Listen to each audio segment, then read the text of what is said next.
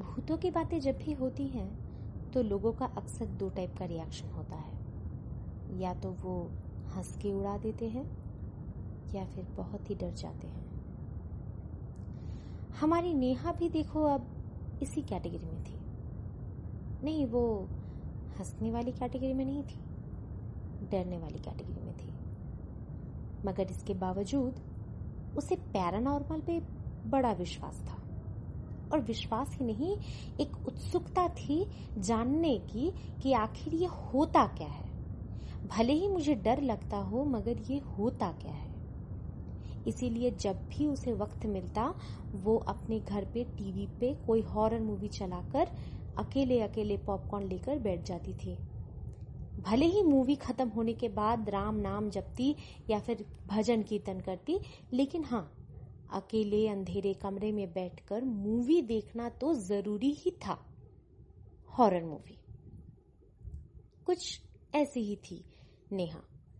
और इस बात से तो आप भी वाकिफ होंगे कि आजकल के युवक कुछ ऐसे ही होते हैं।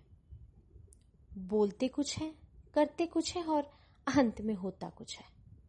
खैर तो इस साल पहली जनवरी की कहानी है ये। जब नेहा अपने दोस्तों और कलीग्स के साथ मुंबई में गई न्यू ईयर सेलिब्रेट करने के लिए। तो न्यू ईयर सेलिब्रेशन मुंबई के एक बहुत ही अच्छे और बड़े फार्म हाउस पे हुआ, जो कि मुंबई नासिक हाईवे के पास ही में था। अब वहाँ पे वो और उसके कुछ दोस्त और कलीग्स मिलकर उन्होंने खूब पार्टी की और फिर पार्टी के बाद सब थक हार के बीन बैग्स पे पड़े हुए थे। कि इतने में किसी के दिमाग में ये ख्याल आया कि यार, बहुत बोरियत हो रही है। चलो कुछ खेलते हैं। और इसी बात को पकड़ते हुए राघव, उसका एक दोस्त और कलीग, उछल के बोला हाँ हाँ चल चल चल। हम लोग ना, ये ट्रूथ एंड डेयर खेलते हैं। लेकिन हाँ कोई ट्रूथ नहीं लेगा, ठीक है ना? सबको डेयर करना पड़ेगा। ट्रूथ वूथ से नहीं काम चलेगा। सब हंसने लगे। लेकिन खेलने का मन सबको था। और बियर की खाली बोतल बगल में बगल में पड़ी ही हुई थी। तो बस उठाया और शुरू हो गए।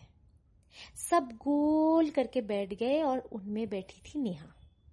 और राघव ने बोतल उठाकर दिया घुमाया। बोतल घूम रहा था घूमते घूमते सबकी बारी आई और फिर आते आते बारी आई नेहा की। ये फंसी! अब फंस गई तू, राघव ने बोला। अब तो तुझे मैं ऐसा डेर दूँगा कि तू कर ही नहीं पाएगी। एकदम पक्का वाला मैं बता रहा हूँ तुझे। एकदम पक्का वाला। हाँ हाँ चल चल। तू कितना डेर देगा ना, मुझे पता है, ठीक है ना? खुद से तो डेर होता नहीं है, और दूसरों को तू ना मतलब चल चल, सोच ले सोच ले। मेरे से तो कुछ भी हो जाएगा। नेहा ने कहा, बड़े गुमान के साथ। बड़ा सोचा बड़ा सोचा। सब सोच ही रहे थे कि इतने में राघव ने बोला I got it I got it Neha I got it एक स्मग सी स्माइल देते हुए राघव ने कहा, बहुत तुझे भूतों पर विश्वास है ना? पैरानॉर्मल हॉन्टिंग्स अगर इतना ही विश्वास है तो आज तेरा डेर है कि तू कितनी डेयरिंग है, ये प्रूव कर। मैंने सुना है कि मुंबई नासिक का जो हाईवे है, वो point number seventy one that is haunted अगर तुझ में सच में डेयरिंग है तो जा। वहाँ जाकर गाड़ी लेकर घूम के आ। अगर तू सही सलामत घूम के आ गई तो मैं मान लूँगा कि तुझ में सच में डेयरिंग है। मुंबई नासिक हाईवे के बारे में यहाँ बैठे किसी भी लोगों को कुछ भी नहीं पता था। कुछ लोगों का ये मानना था कि कभी किसी जमाने में किसी औरत को वहाँ पे मारा गया था। और कुछ कहते थे कि किसी ने वहाँ पे आत्महत्या की थी, गाड़ी के सामने आकर। और कुछ तो यूँ कहते हैं कि वो एक एक्सीडेंट था जिसमें एक औरत की मौत हो गई थी। और उसके बाद से पिछले ना जाने कितने सालों से वहाँ पर मुंबई नासिक हाईवे पे कितने लोगों को कितनी तरीके से एक औरत की रूह दिखाई दी है।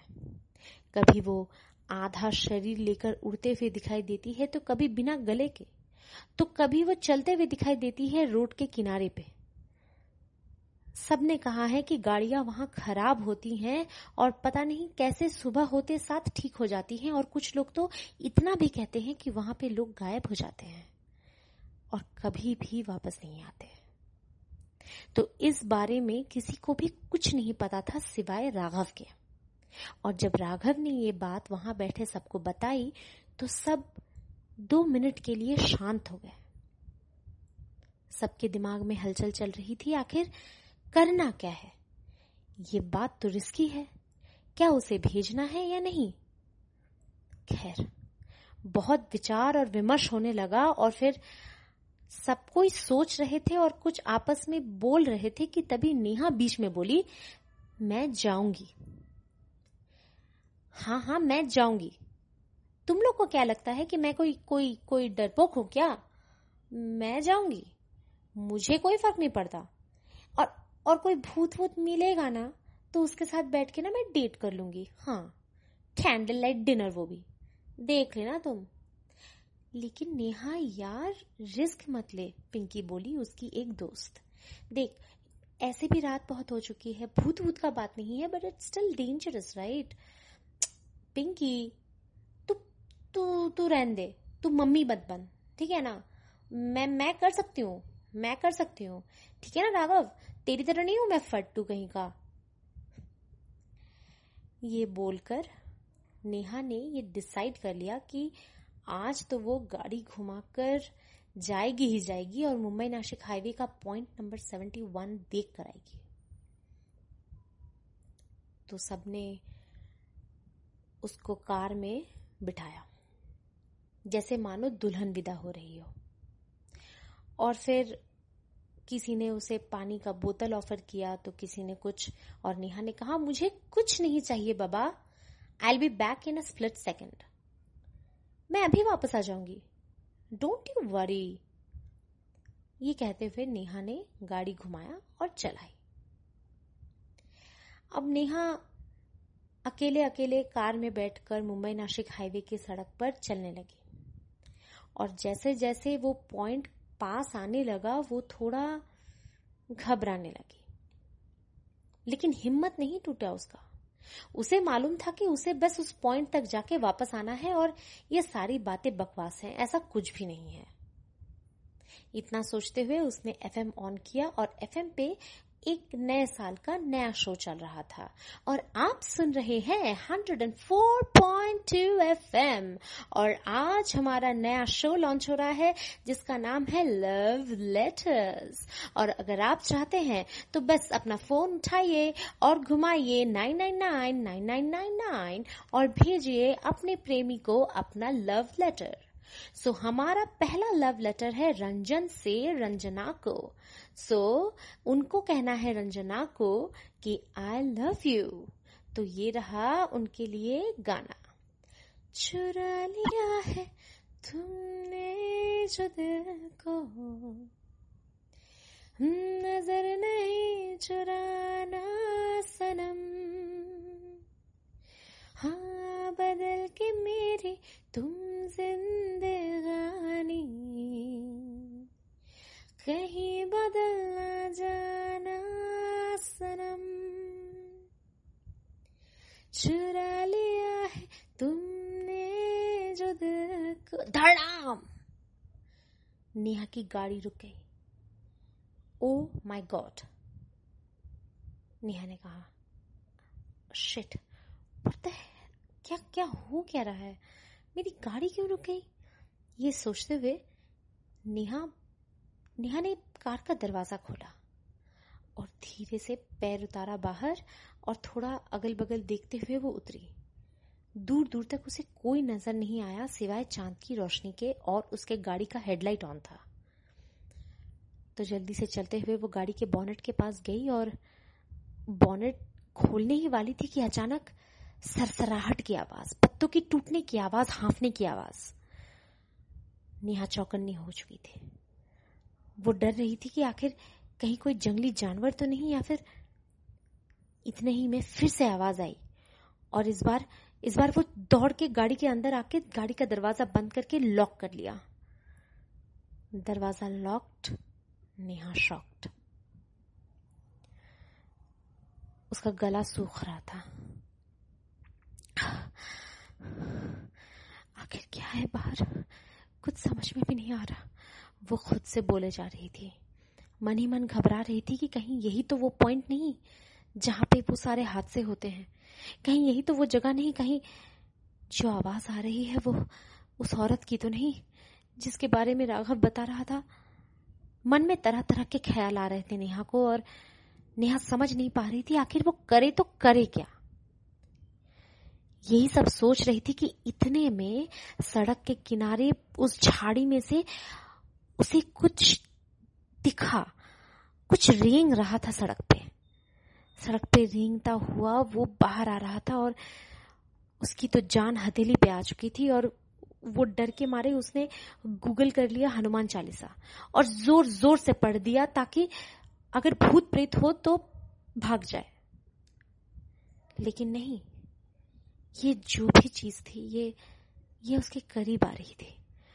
और उसके करीब नहीं, उसके उसके गाड़ी के करीब आ रही थी और रेंग रही थी ज़मीन पे। एक पल के लिए उसे लगा कि वो हाथ उठाकर या फिर हाथ जैसा कुछ उठाकर कुछ इशारा कर रहा है, जो भी है वो ज़मीन पे रेंगता हुआ। नेहा का दिल उसके गले में अटका हुआ था और उसने सोचा कि I have to do this मुझे मुझे एक बार तो देखना ही पड़ेगा कि ये आखिर आखिर है क्या ये चीज़? ये सोचते हुए एक हाथ में ओम का लॉकेट और एक हाथ में पेपर स्प्रे लेकर नेहा गाड़ी से उतरी और थोड़ा आगे जाकर देखा और जो देखा, वो देखकर उसकी आँखें फटी की फटी रह गई। वहाँ सड़क पे घायल हालत में पड़ी हुई थी अधजली शरीर में रिया। उम्र महज 21 साल। एक साल पहले उसकी शादी हुई थी 21 लाख के दहेज पे तय हुई थी। घर वाले बहुत कोशिश करके भी इतनी बड़ी रकम चुका नहीं पाए तो उसे अपनी जान से हाथ गवाना पड़ा। नहीं नहीं, गवाना पड़ रहा था। उसे ज़िंदा जलाने की कोशिश की गई थी उसके ससुराल में। उस जलते हुए हालत में वो भागते हुए करीब के जंगल में जा पहुँची, जो जंगल उस हाईवे के बगल में था। किसी तरह कीचड़ पे लौट के जैसे तैसे अपनी शरीर की आग बुझाई, लेकिन उसे लग रहा था कि वो अब ज़िंदा नहीं बचेगी। तो वहीं पे जंगल में पड़े पड़े मरने का इंतज़ार कर रही थी कि अचानक उसे नेहा की गाड़ी की हेडलाइट्स दिखी। दूर से, और उसने सोचा कि शायद भगवान ने उसे एक और मौका दिया है ज़िंदगी को चुन लेने का। और वो किसी तरह अपनी बची कुची ताकत समेटते हुए सड़क तक पहुँच गई। दूसरे दिन अपोलो अस्पताल पे, जहाँ पे नेहा ने रिया को भर्ती किया था, वहाँ पे राघव के साथ खड़े होकर नेहा ने बोला, कि यार मैं बेकार में भूतों से, पिशाचों से डर रही थी। अरे ये पिशाच तो इंसानों में बसते हैं। मैं खाम खा भगवान को भी परेशान कर रही थी। अच्छा बात तो सही कही थी नेहा ने। पिशाच इंसानों में ही है। न जाने कितने सालों से यहाँ इस मुंबई नासिक हाईवे पर कितनी जाने जाते हुए देखी है मैंने। कभी किसी जंगल के अंधेरे में किसी की चीखें सुनाई देती है।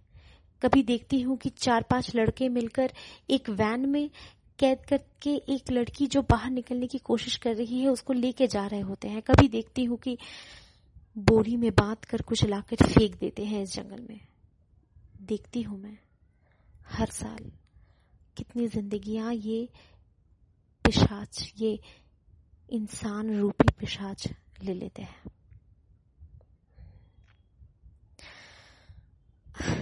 आप सोच रहे होंगे कि आखिर मैं कौन हूँ? और मुझे ये सब कैसे पता? मैं, अब मैं क्या बोलूँ?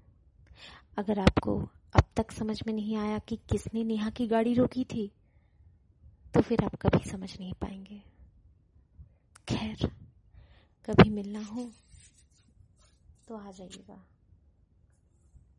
मुंबई नासिक हाईवे।